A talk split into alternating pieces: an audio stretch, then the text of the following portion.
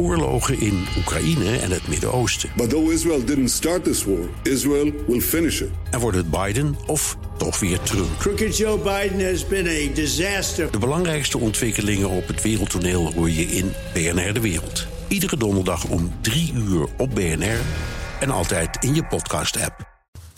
Postma in Amerika. Tijd voor het Amerikaanse nieuws door de ogen van onze correspondent in Washington, Jan Postma. Jan, de gouverneur van New York, Andre Andrew Cuomo ligt zwaar onder vuur vanwege een vernietigend rapport. Dat rapport concludeert dat hij elf vrouwen seksueel heeft lastiggevallen.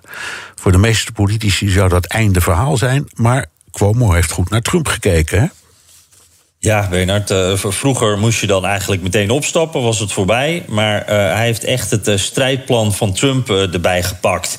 En ja, de Trump heeft laten zien eigenlijk hoe je dit soort schandalen kan overleven. Dat wordt ook wel door andere politici gekopieerd. je moet er gewoon keihard tegen ingaan. Je moet een lange adem hebben. En dat eerste, er keihard tegen ingaan, daar is Cuomo mee begonnen. En dat deed me echt erg aan Trump denken.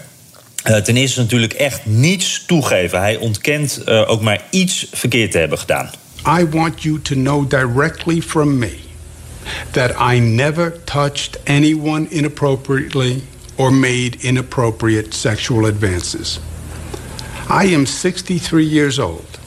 I've lived my entire adult life in public view. That is just not who I am. Ja, en uh, daarna uh, ging hij nog wat door over dat het ook een politieke aanval op hem was. Dat dat eigenlijk het ware verhaal uh, is. Met andere woorden, dit is allemaal niet echt. het is een politieke afrekening. Nou, ik denk als hij Trump zelf was geweest, had hij nog het een heksenjacht genoemd. Dat woord gebruikt hij dan net, nog net niet. Hij viel ook de media aan. Die bla blazen het namelijk allemaal op. En ook wel een interessant moment. Hij zei: Ja, ik, ik, kus wel eens mensen, maar dat is heel normaal. Dat doet iedereen in mijn familie. I do it all the time. Hij liet erbij foto's zien van hoe hij allerlei bekende politici kust en omhelst. Uh, als een soort onderbouwing daarbij, een soort fotocollage. En hij zei eigenlijk, ja, die vrouwen die hebben dit ook allemaal verkeerd begrepen. En daarbij viel hij ook een paar van die vrouwen direct aan. Zei dat ze het verkeerd gezien hadden. Uh, ook daar ging hij dus in de aanval. Uh, niet toegeven, vol in de aanval en blijven vechten dus. Ja, de hele Democratische Partij wil dat hij opstapt. Bijna niemand steunt hem. Bijna niemand. Nee, ja, de, noem een prominente democraat en, en die wil dat Cuomo opstapt. Uh, lokale democraten werken aan een impeachment. Uh, partijbondsen willen dat hij weggaat. Pelosi, ook natuurlijk de leider van de democraten uiteindelijk, president Biden. Are you now calling on him to resign? Yes. And if he doesn't resign, do you believe he should be impeached and removed from office? Let's take one thing at a time here. I think he should resign. Ja, uh, hij staat dus eigenlijk echt helemaal alleen op dit moment, uh, Cuomo. Het verhaal is dat hij nu in het mansion van de gouverneur zit met zijn hond uh, te overdenken. Terwijl eigenlijk ook zijn directe medewerkers zeggen van ja, het is eigenlijk een beetje over, maar dat hij dat nog niet wil weten. Er is één uitzondering en dat is een republikein en het is een Trump-getrouwe. Het is Rudy Giuliani. Die zegt: uh, Cuomo is nog niet veroordeeld. Hij moet veroordeeld worden door impeachment of een rechter, niet door de media. Nou ja, dit is natuurlijk op basis van een onafhankelijk onderzoek waarop uh, mensen hem uh, veroordelen. Dus dat is toch net wat anders. En wat ik ook wel interessant vond: Giuliani legt de link met Trump meteen. Ik, ik citeer hem even: Cuomo's Democraten hebben Trump dat nooit gegund. Het, het wachten op een veroordeling. En het zou poetic justice zijn als Cuomo dit ook zou overkomen. Maar ook gevaarlijk en on-Amerikaans. Uh, dus dat is uh, Giuliani. Ik heb Trump er zelf nog niet over uh, gehoord trouwens. Nee, overigens, als je dat zo zegt... Giuliani heeft natuurlijk ook wel een punt. Omdat dat geldt voor al dit soort zaken. Dat maakt het ook zo ingewikkeld, al die MeToo-kwesties. Maar het zijn beschuldigingen.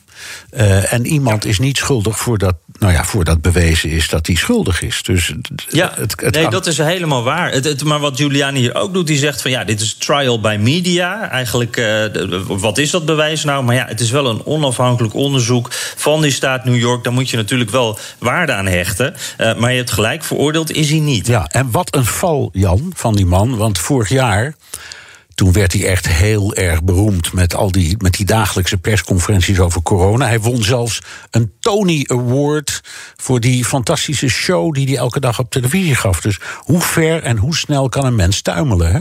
Ja, dat is echt ongelooflijk. Hij was de, de held van de Democraten, werd echt op het schild gehezen. En dat was inderdaad door, door die persconferenties die op een moment. Hij kwam eigenlijk met een duidelijke boodschap uh, over corona tijdens echt de crisisperiode. En dat was eigenlijk wat we zo graag van het Witte Huis hadden willen horen. En, en hij kwam met die no-nonsense boodschap. En toen viel hij daarbij ook nog een keer Trump aan. En toen werd hij echt de held van de Democraten. Maar inmiddels, we hebben een schandaal gehad met uh, gesjoemel over uh, de dodenaantallen bij, bij uh, verpleegtehuizen. naar aanleiding van corona. Toen kwam hij met een boek waar hij miljoenen mee heeft verdiend. En dat ging over zijn leiderschap tijdens de coronacrisis. Maar die crisis is nog gaande. Dat was ook wel iets. En, en dit verhaal, ja, hij is nu echt helemaal, nou, ik zou zeggen, rock bottom. Oké. Nou, Jan, even iets heel anders en leuks, vind ik, om mee af te sluiten. Er is een onderzoek ingesteld naar een fles whisky. Ja, dat was toch wel een mooi verhaal hoor. De, New York Times kwam daarachter. Uh, belangrijk nieuws dit natuurlijk. Nee, uh, alle giften aan, ministers en, en de president die worden natuurlijk allemaal bijgehouden. als die gift meer dan 390 dollar is, dan moet je hem inleveren of dan kun je hem overkopen. Dat zijn de regels, de, de emoluments clause in de grondwet. zo willen ze voorkomen dat buitenlandse mogendheden te veel invloed hebben op Amerikaanse politici. Nou, een fles whisky die de toenmalige minister Pompeo buitenlandse zaken kreeg in Japan, die is verdwenen. En dat was blijkbaar een goede, want die fles is 5800 dollar waard. Uh, en die is nu dus vermist. Uh, Pompeo zegt van niks te weten. Er wordt een onderzoek ingesteld. En volgens de New York Times is dat uh, in de afgelopen decennia nog niet eerder gebeurd. Dus daar op buitenlandse zaken wordt nu allemaal naar elkaar gewezen en gekeken van heb jij die dure fles opgedronken? En ik dacht ik zoek het even op. Um, wat krijg je voor dat geld? De Yamazaki Mizo Mizunara zou het kunnen zijn. 18 jaar oud, uh, Japanese single malt. Uh, omschreven als uniek Japans en complex. Daar betaal je nu 6000 dollar voor. Dat zou hem kunnen zijn. Ja. En het zou dus kunnen zijn dat Pompeo hem op dit moment uh, aan het wegmaken... Of, of het bewijs in ieder geval aan het wegklokken is. Jan, we gaan hem proeven, zodra we de gelegenheid hebben. Dankjewel, Jan Posma, onze correspondent in Washington. Wilt u meer horen over dat fascinerende land? Luister dan naar de Amerika-podcast van Jan en mij. En tot zover BNR De Wereld. Terugluisteren kan via de site, de app, Spotify of Apple Podcast. Reageren kan via een mailtje naar dewereld.bnr.nl. Ook Harm Edens vind je in de BNR-app. Je kunt BNR Duurzaam niet alleen live luisteren in de app, maar ook terugluisteren als podcast, zoals al onze podcasts. En naast dat de BNR-app Breaking News meldt, houden we je ook op de hoogte van het laatste zakelijke nieuws. Download nu de gratis BNR-app en blijf scherp.